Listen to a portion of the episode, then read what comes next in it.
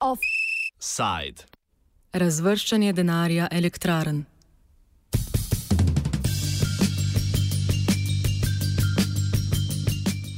Večina podravskih županov nasprotuje predlogu novele energetskega zakona.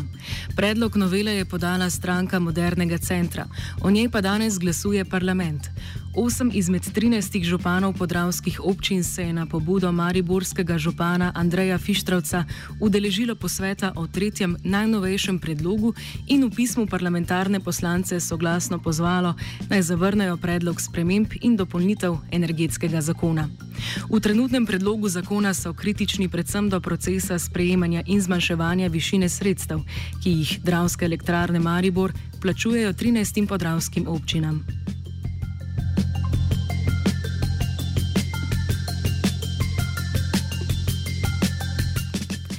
Župane je najbolj zmotil predlog, po katerem bi se v imenu uravnavanja pogojev poslovanja vseh hidroelektrarn zmanjšala višina prispevkov, ki jih elektrarne plačujejo občinam in državi. Posledično bi se, tako trdijo podravske občine, zmanjšala višina treh prispevkov elektrarn, namenjenih vsem slovenskim občinam, koncesiji, nadomestilu za uporabo stavbnega zemljišča in vodnemu povračilu. Masa prispevkov državi pa bi ostala enaka, saj se v državni proračun proračun stekajo dobički Dravske elektrarne, ki bi z nižanjem koncesije zrasli. Dravske elektrarne Maribor ocenjujejo, da bi v primeru sprejetja zakona letno prihranili od 3 do 8 milijonov evrov, ki bi jih, lahko trdi direktor Dravskih elektrarn Andrej Trumpej, lahko namenili za investicije. Predsednik okoljevarstvene organizacije Slovenski e-forum Gorast Marinček pojasni, kako se iz prispevkov elektrarn financirajo občine in kako država, ter predstavi prvotni predlog sprememb energetskega zakona stranke SMC. Končni obseg denarja se ne zmanjšuje, ampak se samo uh, razlika med uh, torej, stroški in uh, prihodki drugače razporedi. Ne? Pomeni, koncesnina je v bistvu uh, strošek za elektrarno, ne? torej plačilo za nadomestilo za uporabo vem, vodnega vode, vodnega toka in del je šel v občini, del državi, elektrarnam je pa potem po vem, odbitju amortizacije, pa po plačilu plač, pa vseh stroškov poslovanja ostal nek dobiček, s katerim je lastnik, to v tem primeru država, 100% razpolagal oziroma konkretno na Dravske elektrarne, ta dobiček šel v holding slovenskih elektrarn in potem se seveda s tem dobičkom, ker Dravske elektrarne zelo dobičkonosno poslujejo, pač pokrivala izguba, ki jo povzroča pač eh, elektrarna v Šoštanju. Ne. Zdaj z prvim predlogom spremembe je bilo mišljeno, da bi pač občine dobile eh, manj denarja, kratka holding bi dobil več denarja in bi več denarja ostalo za pokrivanje izgub, izgube v tež. Prvotni predlog je tako predlagal omejitev višine prispevkov do skupno 14 odstotkov celotnega dobička elektraren. Po izraženih kritikah okoljevarstvenikov, ki so trdili, da bo država ta denar porabila za pokrivanje izgub termoelektrarne Šoštan, je SMC spremenila svoj predlog. Tretji, najnovejši predlog sprememb tako predvideva 14 odstotno omejitev višine prispevkov le na nove hidroelektrarne in za vse nove koncesijske pogodbe, ki bodo podpisane podpisane po preteku trenutnih. Do takrat bi se trenutne koncesijske pogodbe ostale nespremenjene. Občine bi tako še naprej dobivale 60 odstotkov teh prispevkov, ostalih 40 odstotkov pa bi se steklo v državni proračun. Župan občine Vuzenice, Franz Franjo Golob, komentira napovedano 14 odstotno omejitev višine koncesij in vpliv takšnega zmanjšanja za občine. Kaj pomeni v številkah 14 odstotkov, da bi ostalo v uh, pristojnosti dravskih, dravskih elektrarn, nam ne pove dosti, kajti mi drugih podatkov pravzaprav nismo imeli, kaj bo, to, kaj bo to pomenilo. Nekako imamo podatke, da je zdaj bilo okrog 30 odstotkov tega denarja, zdaj pa je prišlo maksimalno do 14 odstotkov, kar bi uh, definitivno nam zmanjšalo tisti del po zakonu, ki jih morajo uh, dravske elektrane dajati občinam kot uh, nadomestilo za koncesijo. Vemo, da smo ogroženi in zadnja takšna ogroženost je bila prav pred leti, ko smo imeli velike poplave in veliko škodo in do zdaj tega denarja še pravzaprav za sanacijo tega škoda nismo dobili nič. S vlastnimi sredstvi gradimo tudi protipoplavne zidove, varujemo svoje občane, ampak z takšnimi ukrepi, kot so si sedaj eh, del poslancev privoščili, jaz upam, da na današnji seji pride do eh, razjasnitve stvari in da spregleda razum in da tega amandmaja, ki je sedaj sicer popravljen, da bi šlo samo za nove objekte, absolutno v državnem zboru ne potrdijo. V pismu so župani izrazili tudi razočaranje nad postopkom sprejemanja spremembe zakona in nad, po njihovem mnenju, lažnimi podatki. V predlogu novele je namreč zapisano, da zakon nima nikakršnih finančnih vplivov na sredstva lokalnih skupnosti. Podravske občine ocenjujejo, da lahko zaradi sprejema tak, tega zakona letno izgubijo okoli 10 milijonov evrov.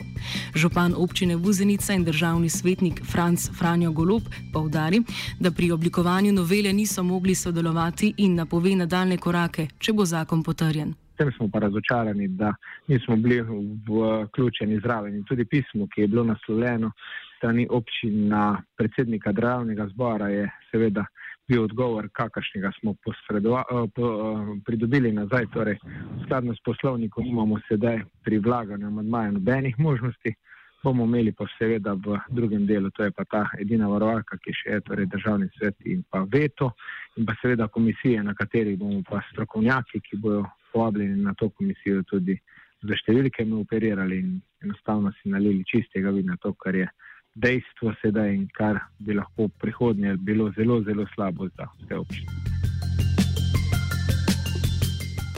Direktor dravskih elektrarn Maribor Andrej Tumpaj te spremembe vidi kot poskus države, da izenači pogoje za obratovanje med hidroelektrarnami.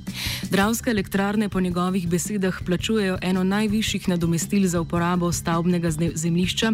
Za vodno povračilo naj bi se sredstva zvišala z nekaj več kot pol milijona evrov v letu 2004 na 9 milijonov evrov v letu 2016.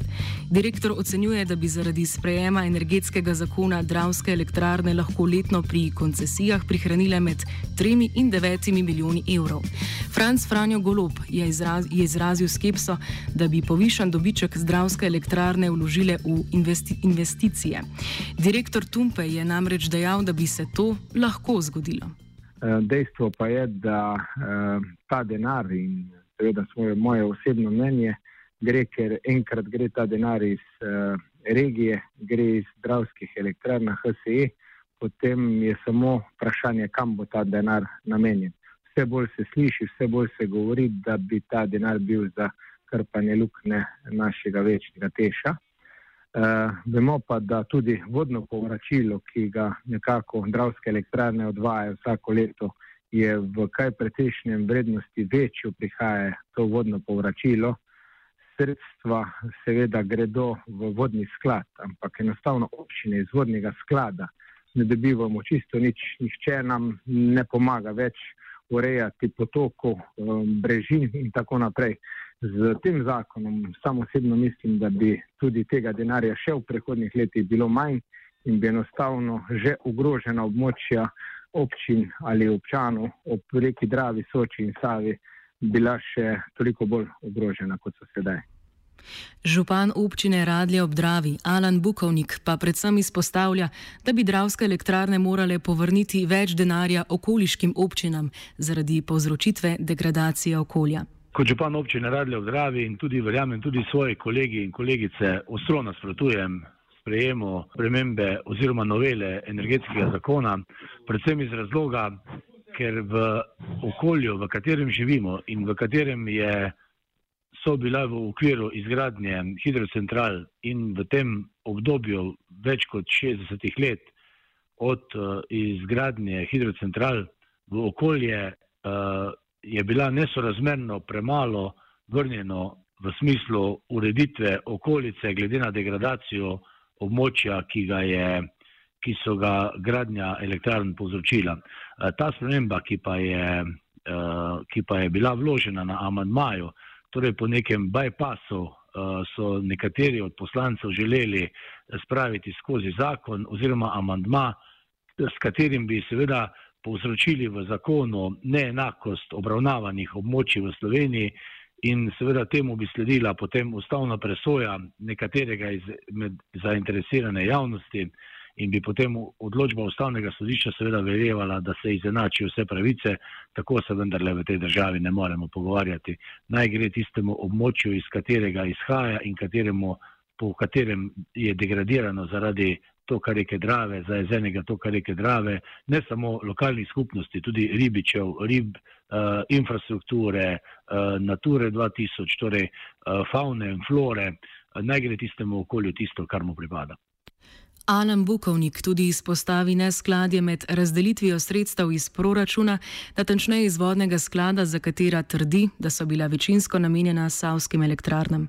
Če se nekdo odloči in uh, vzame in predlaga zamejitev izplačila lokalnim skupnostim in drugim iz cene električne energije, potem moramo vedno postaviti iste vatle, torej iste kriterije, ki veljajo za celo območje cele države. Vsi pa pozabimo, da je vodni sklad v zadnjih 15 letih, odkar se gradijo elektrarne na Savi, preko svojega podjet, preko podjetja Infra in preko ostalih deležnikov v Savi, Savsko dolino, kjer se gradijo Savske elektrarne, vložil preko 500 milijonov evrov denarja, zaradi katerega druge doline niso dobile izvodnega sklada tega denarja, da bi lahko urejale hudurnike in pa ostale vodotoke, zato ker je vse denar izvodnega sklada več kot 15 let se že dejansko vlaga samo in izključno v Savsko dolino pri Savskih elektrarnah, pa še so viri z državnega proračuna, ki so bili uh, sproščeni za gradnjo Savskih elektrarn.